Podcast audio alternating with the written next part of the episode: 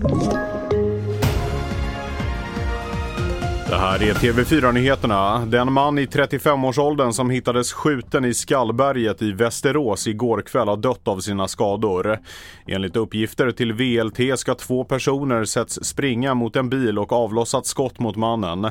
Än så länge har ingen person gripits för mordet. Samtidigt sköts en man i 25-årsåldern i sin bostad under natten, också i Västerås.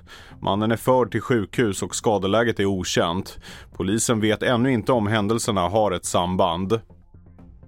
Och i Skarpnäck i Stockholm inträffade en explosion i ett flerfamiljshus under natten. Inga personer ska ha skadats fysiskt av smällen, men de boende fick evakueras. Glassplitter och annat bråte syns vid entrén till huset där explosionen ägde rum.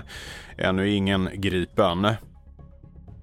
Om två timmar är det avspark för fotbollsdamernas bronsmatch i VM. Sverige möter Australien och värdnationens gulddrömmar de gick i kras när de förlorade mot England i semifinalen.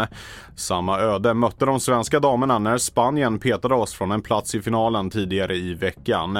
Senast Sverige mötte Australien var i en vänskapsmatch hösten 2022.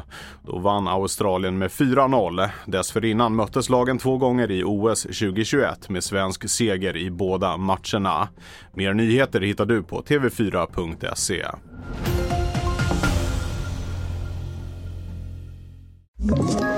Ett poddtips från Podplay.